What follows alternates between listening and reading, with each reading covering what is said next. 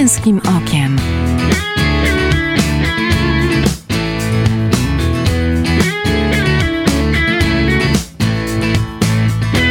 Zapraszam Michał Bondyra. Sprzeciw wobec przemocy to nie tylko prawo każdego z nas, to przede wszystkim wolność wyboru. Każdy może powiedzieć stop, mówi Henning Mankel, szwedzki autor kryminałów. Dziś o zagrożeniu przemocą w internecie, zjawisku tzw. Tak patotreści infekujących nasze dzieciaki na YouTubie czy TikToku.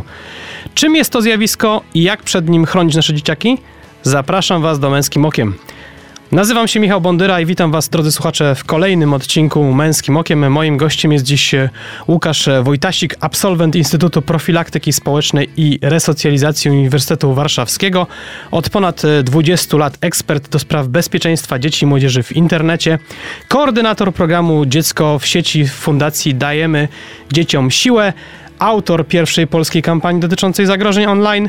Nigdy nie wiadomo, kto jest po drugiej stronie. Wykładowca, motywator, autor książek dla dzieci o zagrożeniach w sieci, bloger, pasjonat pływania na desce yy, z wiosłem po rzekach, a przede wszystkim tata dwójki nastoletnich dzieciaków. Cześć Łukaszu! E, cześć, dzień dobry taka długa litania, ale żebyśmy wiedzieli, z kim mamy do czynienia, a przede wszystkim nasi słuchacze. E, słuchaj, zacznijmy od abesadła. E, czym są te patotreści, o których mówiłem e, we wstępie w internecie? Mm, no tak, mówimy o problemie szkodliwych e, treści w internecie, czyli to jest takie trochę szersze zjawisko szkodliwych treści, czyli takich, które mogą mieć negatywny wpływ na samopoczucie dzieci, czyli mogą powodować strach, jakieś niezrozumienie, ale mogą też um, powodować e, takie zaburzenia prawidłowego rozwoju dziecka, to znaczy wpływać negatywnie na rozwój jakiś emocjonalny, poznawczy. Mówimy też o szkodliwych treściach w kontekście modelowania takich szkodliwych, niebezpiecznych dla dzieci dla e, młodych ludzi e, zachowań i tego typu treści mm, znajdujemy, młodzi ludzie zwłaszcza znajdują e, w internecie. Natomiast te patotreści to jest taki wycinek trochę tego problemu, to mhm. znaczy w tym kontekście mówimy o treściach nadawanych głównie przez youtuberów czy przez influencerów, którzy e, właśnie przekraczając jakieś takie granice gdzieś norm e, społecznych, prezentując patologiczne zachowania, przemocowe zachowania, e, wulgarnym, e, posługując się wulgarnym e, językiem, no zabiegają o popularność i e, tę popularność e, znajdują niestety również wśród e, najmłodszych odbiorców. Powiedziałeś o youtuberach, o influencerach. No właśnie, kim są ci pato youtuberzy, kiedyś też mhm. pato streamerzy, bo tam to wtedy kiedy zaczynało się od tych pato streamów, później przeniosło się to wszystko do YouTube'a. Powiedz, kim są ci ludzie? No obserwujemy od, od, długiego czasu taki trend w ogóle YouTube i bardzo podlegają, też poddają się też dzieci, że właśnie ta popularność, e, często monetyzowana też popularność, ten fame jest taką wartością, często e, wartością samą e, w sobie osiąganą no, wszelkimi dostępnymi środkami. No i mamy bardzo dużo w, w internecie, oczywiście na YouTubie również influencerów czy nadawców pozytywnych, prezentujących pozytywne, ciekawe treści i kontakt z tymi treściami może mieć pozytywny wpływ też na rozwój dzieci czy młodzieży. Mamy takich, którzy, mm, którzy prezentują treści, można powiedzieć, neutralne, ani jakoś szczególnie e, pozytywne, mm, ale też i nie negatywne. No a mamy właśnie takich, którzy, mm, którzy poprzez te, te, te negatywne, negatywne e, zachowania budują tą pozycję, często też zarabiają na tym e, pieniądze. To, co jest no, szczególnie tutaj no, właśnie takiego niebezpiecznego, to jest to, że dzieci obserwując te trendy, obserwując internet, młodzi ludzie zapytani, kim by chcieli być, co by chcieli robić, no mówią o tym, że chcieli e, by być e, influencerami, być youtuberami i to samo w sobie nie jest oczywiście złe, bo taki jest świat i w sieci można się w bardzo ciekawy sposób realizować, ale właśnie pytanie, jakie mają wzorce, jaki mają punkt odniesienia. Jeżeli punktem odniesienia dla nich e, no, są właśnie te treści patologiczne, treści negatywne, treści przemocowe, no to wtedy mamy problem. No właśnie, ale e, pytając cię, kim e, są ci ludzie, mhm. też chciałem zapytać w szerszym kontekście, czy to są ludzie, którzy robią to cynicznie, czyli Mhm. inteligentni ludzie, którzy to wystudiowali, czy jednak sami e, powielają e, przed e, kamerkami internetu patologię, w której żyją? Mhm. Myślę, że, że mm, jest y, różnie. Myślę, że mamy tam osoby, y, które, mm, które próbowały y, zyskać y, popularność y, w jakiś taki akceptowalny społecznie sposób, ale po prostu im się to nie udało. Nie mają takich kompetencji, nie mają y, y, ciekawego, atrakcyjnego do zaproponowania, a widzą, obserwując internet, ale też bazując jakoś na swoich doświadczeniach, że mm, im więcej jest mm, przemocy w ich przekazach, im bardziej, y, no właśnie, upokarzają inne osoby, czy jakoś bazują na tych mm, takich najniższych instynktach, o- to, to ta popularność im e, rośnie i po prostu koniec końców tylko w ten sposób potrafią się jakoś zaistnieć w sieci. Ale są też i tacy, myślę, mm, e, cyniczni, którzy po prostu widzą, że jest zapotrzebowanie na przemoc, że na przemocy, na wulgarnym zachowaniu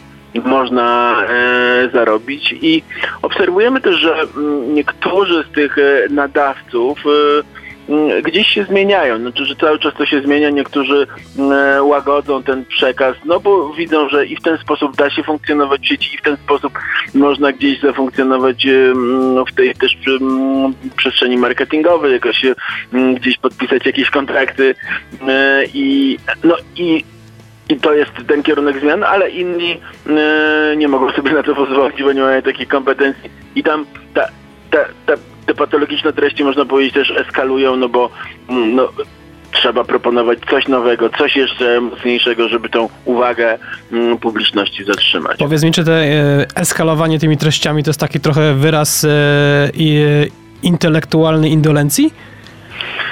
No, my, tak się, tak się domyślam, że, że, że tak faktycznie w wielu przypadkach jest, no, że przy braku innych e, możliwości, no to jest ten, e, ten kierunek. Tak więc e, to są czasami jakieś dbacje alkoholowe, to są czasami mm, jakieś relacje z jakichś właśnie spotkań towarzyskich, które się przeradzają w jakieś, em, w jakieś takie przemocowe i bardzo wulgarne sytuacje, ale to też są na przykład bardzo niestety popularne wśród dzieci skrajnie wulgarne piosenki. Sam fakt, że jest tam tak dużo przekleństw, że jest tam ołpak o narkotykach, o alkoholu i tak dalej, to okazuje się być jakimś chwytliwym mm, e, tematem. Tak więc myślę, że niezależnie od e, motywacji e, nadawców, to my, dorośli, rodzice, nauczyciele, no musimy się gdzieś pogodzić z tym, czy przyjąć do wiadomości, że takie treści w internecie są. Musimy, możemy oczywiście próbować, szczególnie jako dostawcy treści, czyli jako osoby, które mają jakoś wpływ na to, co się w tej sieci znajduje, na to, e, żeby mm, te treści eliminować, ale tak czy inaczej one będą e, i tak czy inaczej musimy uczyć e, młodych ludzi odróżniania treści negatywnych od pozytywnych, uczyć dzieci, młodzież takiego mm, krytycznego podejścia do tych treści, tak żeby nawet jeżeli się z nimi kontaktują, to potrafili je mm, ocenić, bo to, co jest najgorsze i to, co też e, no, wynika z naszych rozmów, ale też z badań e, prowadzonych wśród dzieci, to jest to, że oni mm, widzą w tym wzór do naśladowania. Oni mówią, że nieważne w jaki sposób, ważne, żeby zyskiwać właśnie mm, e, suby, łapki w górę i tak dalej, to się dla nich liczy. Natomiast my musimy pokazywać, że to, to nie może się dziać e, mm, wszelkimi dostępnymi e, metodami, że są jakieś wartości, mm, są jakieś postawy, które mm, chcielibyśmy, żeby oni uznawali. O tym, jak to robić, jak rozmawiać z nimi o tym, porozmawiałem w drugiej części. Ja chciałem cię jeszcze podpytać, czyli mamy rozumieć, że te mm, setki tysięcy czasem wyświetleń tych patotreści wynikają z tego, mm, że dzieciaki, no co, e, dzieciakom się to podoba, bo bo jest to y, coś innego, bo jest to, bo o tym się mówi w szkole, bo, bo kolega po, pod, podrzucił link, czy, czy z czego to wynika? Tak, faktycznie to działa i to też pokazują badania, że, że o tym się mówi, że a skoro, skoro o tym się mówi, to młodzi ludzie, którzy funkcjonują w e, serwisach społecznościowych, którzy dużo czasu poświęcają e, w sieci, chcą być na bieżąco.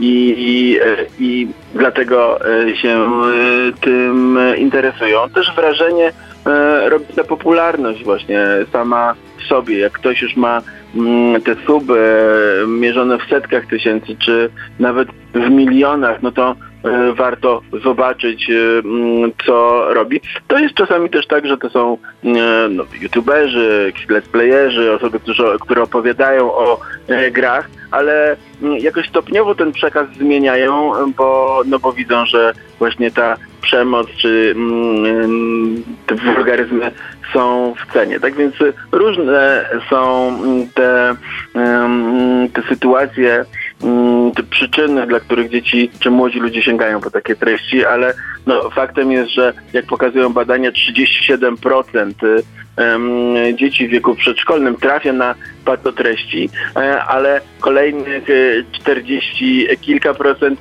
o nich słyszy, o nich wie, zna te przekazy, tak więc to też może mieć na nich negatywny wpływ, nawet jeżeli ich nie oglądają, ale e, no właśnie wobec tego, że o nich się e, mówi i że są takim też źródłem mm, czy przedmiotem fascynacji dla ich rówieśników. Powiedziałeś 37% dzieci w przedziale szkolnym, tak? 13-15 tak, lat. Mhm. Tak, dwa, dwa lata temu z mm, Biurem Rzecznika Praw Obywatelskich prowadziliśmy takie badania, przyglądaliśmy się temu problemowi mm, i um, okazało się, że faktycznie te treści są bardzo popularne wśród młodych ludzi. Mhm. E, wciąż w tej naszej rozmowie, która już kilkanaście minut trwa, e, przewija, się jedna rzecz. E, pieniądz, zarobek, monetyzacja.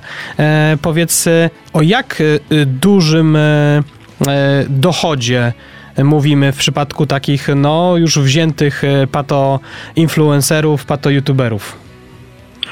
No to oczywiście jest różnie, bo, mm, bo część tych patonadawców jest odciętych od mm, tych mechanizmów monetyzowania swojej popularności na e, YouTube, ale korzystają z takiego systemu donate'ów, to znaczy każda osoba, która ich ogląda może przekazać im jakąś małą e, kwotę. No im większa jest ta popularność, tym więcej jest e, tych wpłat i tutaj trudno mi powiedzieć, bo krążą legendy o tym, ile te osoby e, zarabiają i, i one są powielane, są powtarzane nie tylko przez e, młodych internautów, ale też przez e, media.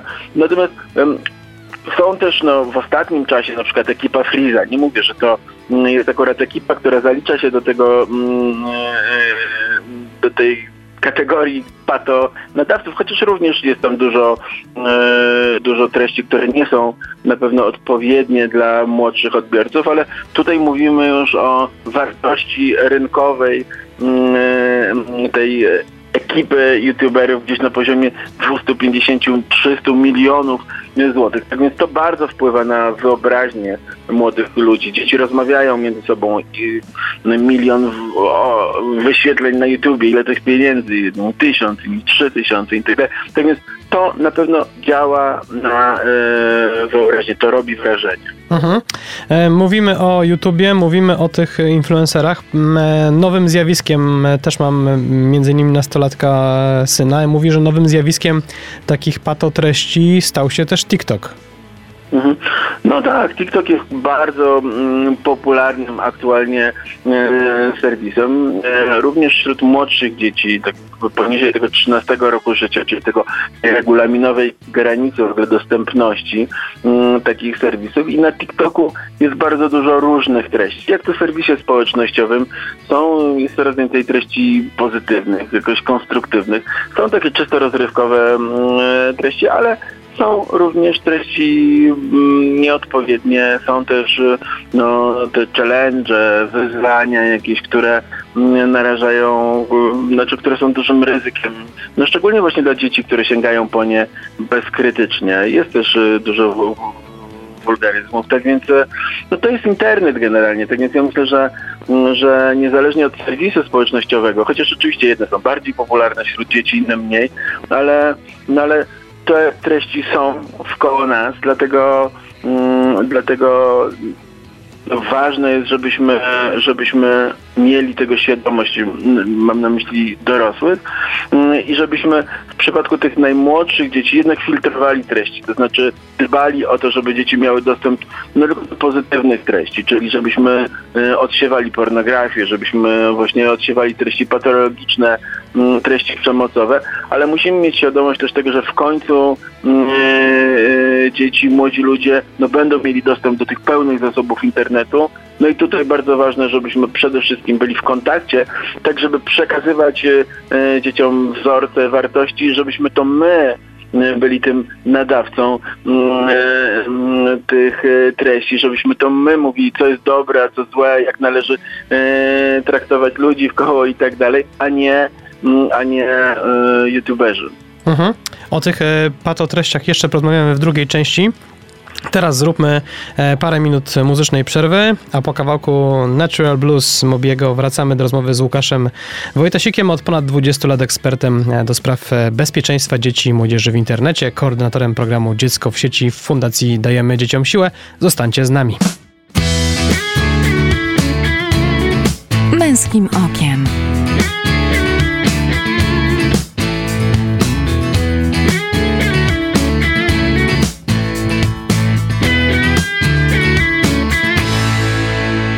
Witam po przerwie. Słuchajcie, e, męskim okiem. Ja nazywam się Michał Bondyra. Ze mną jest e, dziś Łukasz e, Wojtasik od ponad 20 lat już ekspert do spraw bezpieczeństwa dzieci i młodzieży w internecie, koordynator programu Dziecko w sieci w Fundacji Dajemy Dzieciom Siłę, autor pierwszej polskiej kampanii dotyczącej zagrożeń online. Nigdy nie wiadomo, kto jest po drugiej stronie, tak się nazywa ta kampania.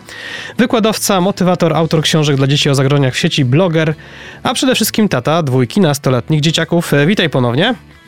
E, witam po przerwie. E, Dużo rozmawialiśmy w tej pierwszej części o tych e, patotreściach, o tym e, dlaczego i e, one się właściwie pokazują w internecie, jak intratnym mogą być zajęciem dla ich twórców. Słyszałem od jednego z, z pato-youtuberów, nie będę mówił od kogo, bo nie będę robił mu reklamy, że libacje, bicie matki na ekranie, czy pokazywanie, to pokazywanie, jakie jest jego życie faktycznie, a gdy było pytanie, padło pytanie, e, czy to nie wpływa negatywnie na dzieciaki, które to oglądają, e, odpowiedział, że nie, bo dzięki temu, że siedzą przed ekranem, nie będą biegać po ulicy i powtarzać tych e, zachowań. Dla mnie kuriozum. No tak, to faktycznie pokazuje poziom też jakiejś e, refleksji tych, e, tych ludzi, no bo oczywiście nie ma to mm, e, większego sensu.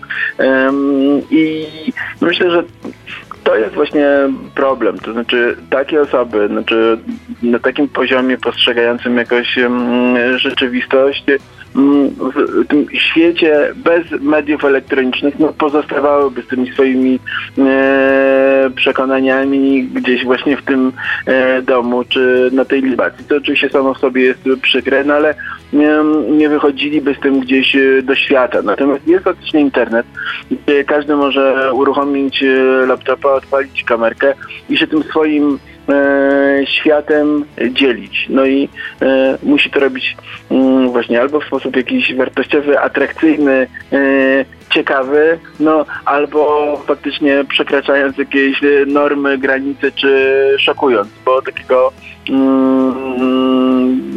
jakiegoś e, takiego przekazu, w którym nie ma tego punktu e, zaczepienia, po prostu ludzie nie oglądają. No i oczywiście tych E, tych, tych negatywnych powinniśmy e, jak najskuteczniej odsiewać. Mhm. Pato streamerzy, pato youtuberzy, influencerzy patolo patologicznych treści e, poszli krok dalej, realizują się teraz w walkach na przykład na galach Fame MMA.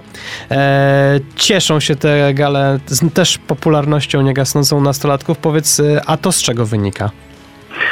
No to faktycznie tak jest, że to jest jakieś wszystko e, się w tym, można powiedzieć, e, show biznesie się gdzieś e, napędza. Znaczy, bo z jednej strony mamy właśnie nadawców, którzy powiedzielibyśmy takich patologicznych, że są jakimś marginesem i że, i że mm, nie powinni wzbudzać jakiegoś takiego szerszego zainteresowania i mieć jakiejś szerszej publiczności, ale jednak ją mają, jednak są popularni. Tak więc nie tylko oni monetyzują tę swoją popularność, no ale mm, znajdują się też e, faktycznie organizatorzy mm, e, jakichś imprez, mm, e, którzy również no, zapraszają ich do udziału, no bo oni przyjdą tam razem z tą swoją e, publicznością. I to dotyczy faktycznie takich parasportowych e, e, imprez jak e, gale Fame MMA, no ale też obserwowaliśmy to mm, na przykład i to się wydarza też już w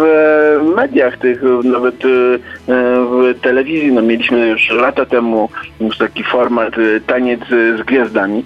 I do tego tańca z gwiazdami rodzinnego pro, pro programu został nagle zaproszony Popek. Znaczy, Popek, który, który no wówczas, no i w dalszym ciągu pewnie znany był głównie z tego, jego popularność wynikała z tego, że no, śpiewał też skrajnie wulgarne e, i absolutnie nieodpowiednie e, dla dzieci piosenki i nagle dostaje od e, telewizji ogólnopolskich status gwiazdy.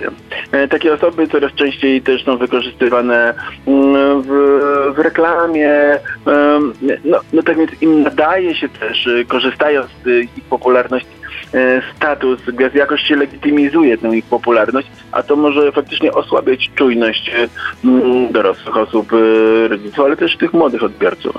No właśnie, z jednej strony tutaj przestrzegamy, żeby rodzice reagowali, żeby mieli rękę na pulsie, a z drugiej strony jak mają to robić, skoro gdzieś, tak jak powiedziałeś, legitymizowana jest ta patologia przez mass media. W kontekście tego, o czym rozmawiamy, powiedz właśnie, jaki wpływ na rozwój dzieciaków dzieciaków. E, e, pewnie w różnym wieku różne, ale chciałem Cię to zapytać. Na rozwój dzieciaków ma to cykliczne oglądanie takich patotreści. Mhm.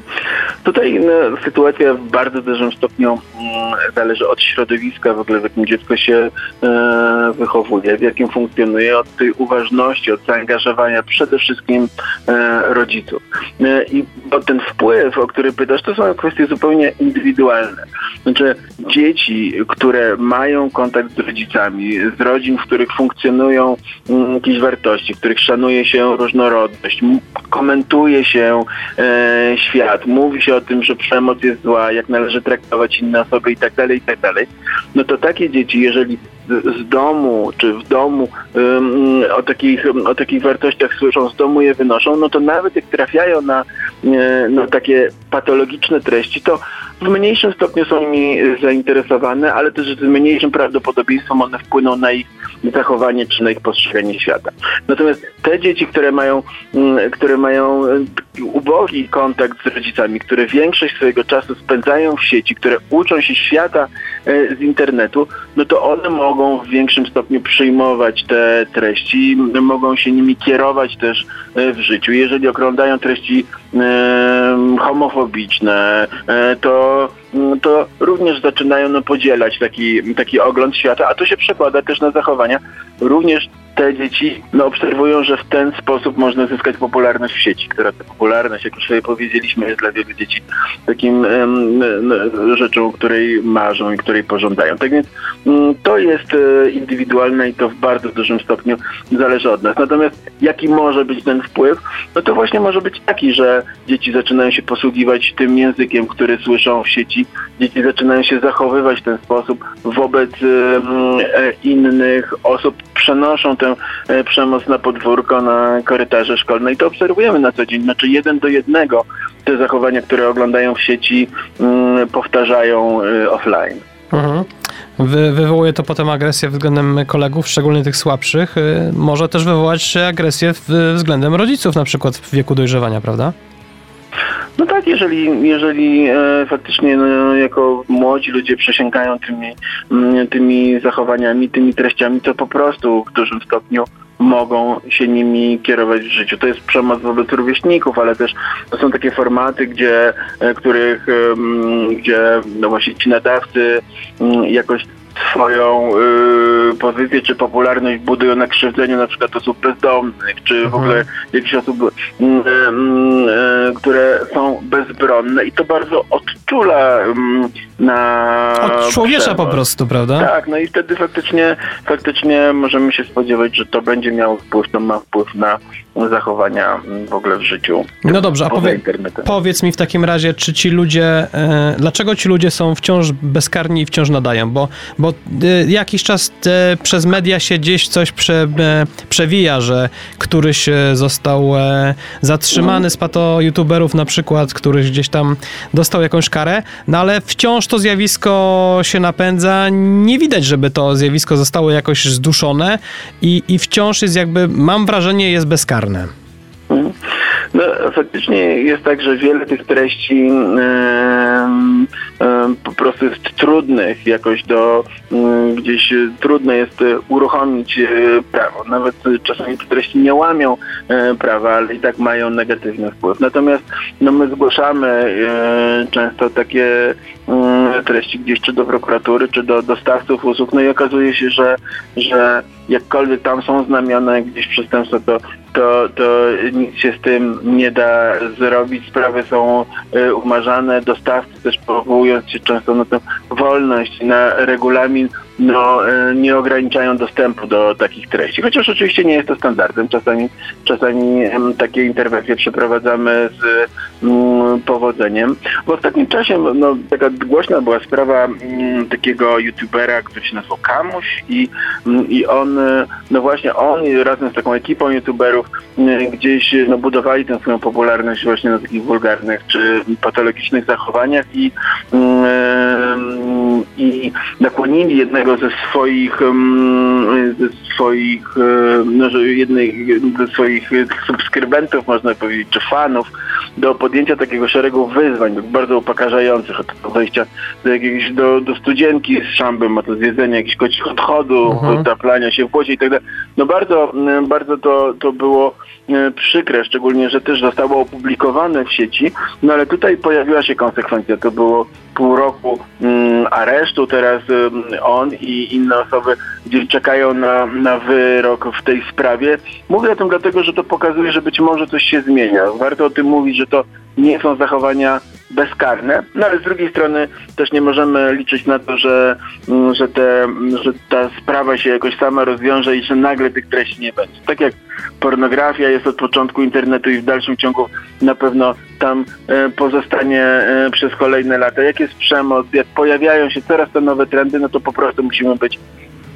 na bieżąco i jakoś e, musimy o tym rozmawiać z dziećmi. Musimy być tym katalizatorem jakoś. To my Mhm. musimy e, jakoś te treści też nadawać em, im jakieś znaczenie, czy może odwrotnie pozbawiać ich jakiegoś znaczenia. Mhm. Powiedz mi, czy te patologiczne treści mm, mogą zostawiać ślad nie w psychice dzieci y, nie tylko teraz, ale w, kon- w, e, mieć jakieś konsekwencje w życiu dorosłym?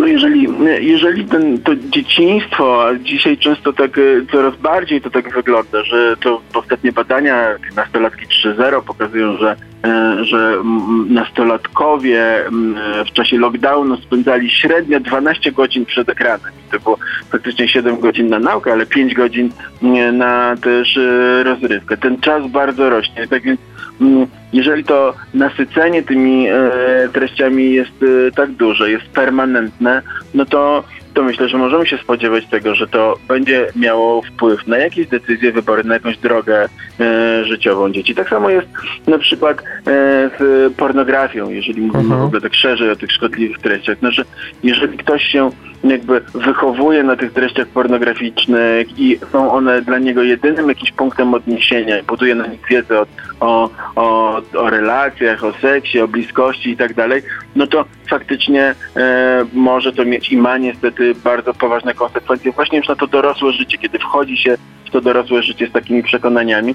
To samo dotyczy patotreści i postrzegania właśnie takiej empatii z jednej strony, czy braku właśnie tej empatii mm, i, i, i też takiego przedmiotowego y, traktowania ludzi w koło. Dzieciaki później wchodzą w dorosłość ze skrzywionym obrazem. E, oczywiście masz rację. Powiedz e, głośno ostatnio, e, chciałem pod kątem tych patotreści zapytać jeszcze cię o głośny i też ukazujący się w internecie przez, przez jeden z portali e, film, koreański serial Squid Squid Game. E, bohaterowie biorą udział w zabawach z dzieciństwa, to tak, tylko krótko powiem e, naszym słuchaczom. Bohaterowie biorą udział w zabawach z dzieciństwa z tą różnicą, że przegrany zostaje zabity. Czy ten obraz też wpisuje się w ten kontekst e, treści Pato, twoim zdaniem? No to jest e, film, to jest serial, który jest prezentowany na mm, platformie filmowej. To jest e, serial e, dla osób 16+, i on sam w sobie patologicznym materiałem nie jest. On prezentuje jakąś, ta fabuła jest zbudowana na jakiejś patologicznej sytuacji, czy na jakimś mechanizmie. Natomiast no to jest film no, fenomen jakiś, bo najpopularniejszy w ogóle w historii seriali, e, no serial na świecie z jakiejś e, publiczności liczoną w setkach milionów e, i sam obraz jest oceniany i ja też uważam, że, że, że jest w jakimś stopniu e, ciekawy, interesujący i, i, i sam w sobie nie jest zły. Natomiast problem pojawia się wtedy, kiedy zaczynają go oglądać dzieci, bo to jest faktycznie taka stylistyka, gdzieś e, kolorowe przebrania, kombinezony, film jest, e, czy serial jest też promowany gdzieś na TikToku i tak dalej. Mhm. Znaczy można pomyśleć, że to jest film dla, dla dzieci czy dla nastolatków. Tymczasem jest to materiał bardzo brutalny, bardzo przemocowy i absolutnie nie powinny go oglądać e, 9-10-letnie dzieci, a oglądają. No, a takie dzieci nie mają tego, nie potrafią gdzieś krytycznie myśleć, nie potrafią, no, nie złapią, że to jest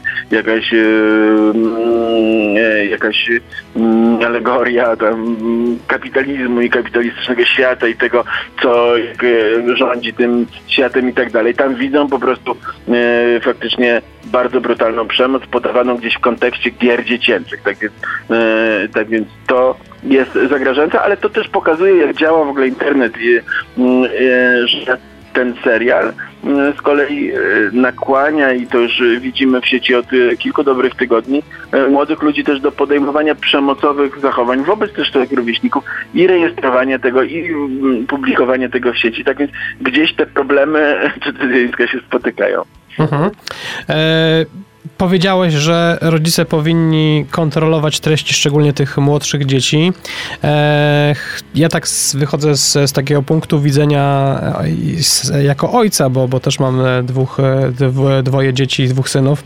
I tak się zastanawiam, że chyba najważniejsze w tym wszystkim jest taka spo, spokojna, konstruktywna rozmowa i towarzyszenie temu, co robi dziecko.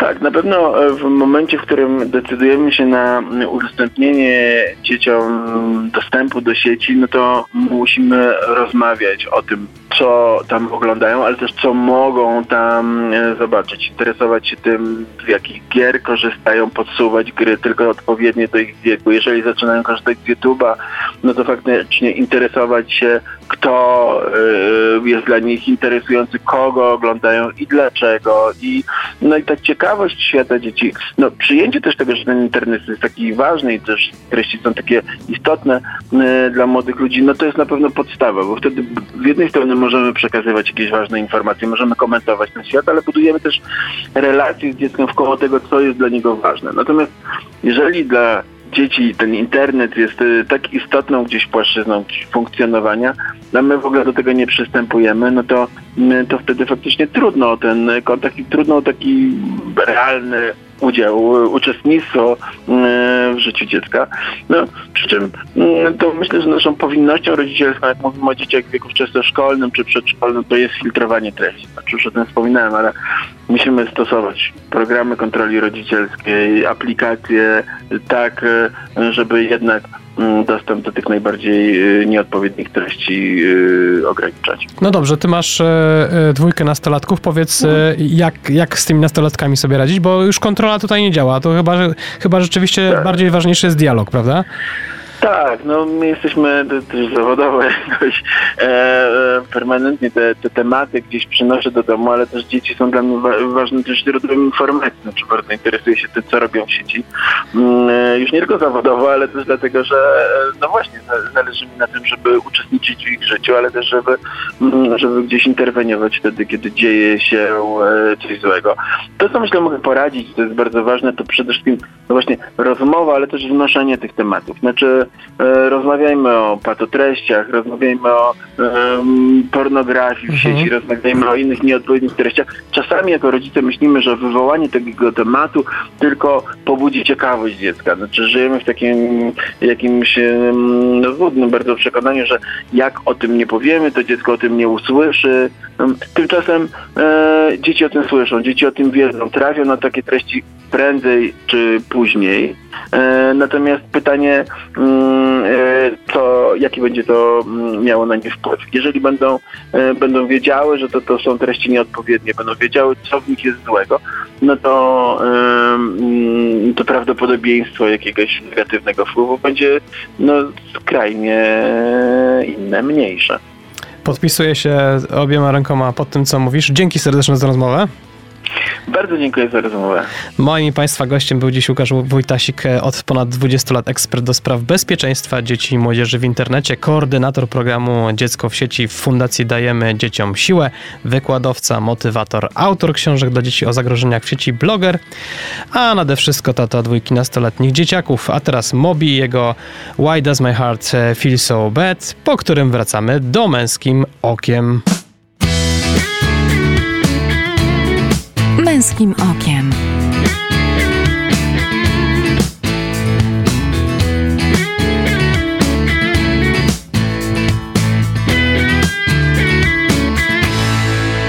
Witam po przerwie. W Męskim Okiem zapraszam na felieton. Rozmowa lekiem na patologię. Sposób, w jaki rozmawiamy z naszymi dziećmi, staje się ich wewnętrznym głosem. Tymi słowami blogerki Peggy Omara chciałem zacząć dzisiejszy felieton. Dlaczego właśnie tymi spytacie? Bo w temacie o patologicznych treściach, którymi karmione są nasze dzieciaki w internecie, najważniejsza jest rozmowa. Konstruktywna, spokojna, wspierająca. Jasne, że lepiej zapobiegać niż leczyć. Lepiej chronić nasze nastolatki przed patostreamami, brutalnymi filmikami na YouTubie, pornografią czy obscenicznymi shotami na TikToku, niż potem starać się je wyciągać z tego, co widziały. No ale nie łudźmy się. Nasz nastolatek spotka się z patologiczną treścią w sieci i to jest bardzo prawdopodobne. Może to się zdarzyć przypadkowo, ale może zdarzyć się to pod wpływem grupy. Gdy tak się stanie, to już nasza w tym głowa, co zrobić potem. Czy stanie się stałym widzem infekowanym cyklicznie przemocą fizyczną, seksualną, werbalną? Czy jednak po tym jednorazowym zetknięciu sam e, dojdzie do wniosku, że to nie dla niego, że to jest okropne i powie dość? Ale żeby tak powiedział, potrzebna jest nasza interwencja. Nie oskarżająca, nie karząca, a tłumacząca to, dlaczego to, co widział, jest złe i dlaczego to, co widział na filmie, kogoś krzywdzi. Że to nie gra komputerowa, w której bohater się otrząśnie, podładowując sobie energię, bądź wykorzystując dostępne nowe życie. Że rany, zarówno te fizyczne, jak i psychiczne, zadawane innym, to zło, na które nie może się godzić. Tylko takie podejście może uchronić nasze dzieciaki przed skrzywionym obrazem życia, przed afirmacją zła, a potem przed tym, e, żeby być może testować patologię w realnym świecie na słabszych kolegach. Dlatego warto, a nawet trzeba rozmawiać z dzieciakami zawsze i wszędzie, gdzie to możliwe. Powodzenia i cierpliwości. Za dzisiejszy odcinek Męskim Okiem dziękuję realizujący program Erk Kotys i mówiący do Was te słowa Michał Bondyra. W Męskim Okiem tradycyjnie słyszymy się za dwa tygodnie. Męskim okiem.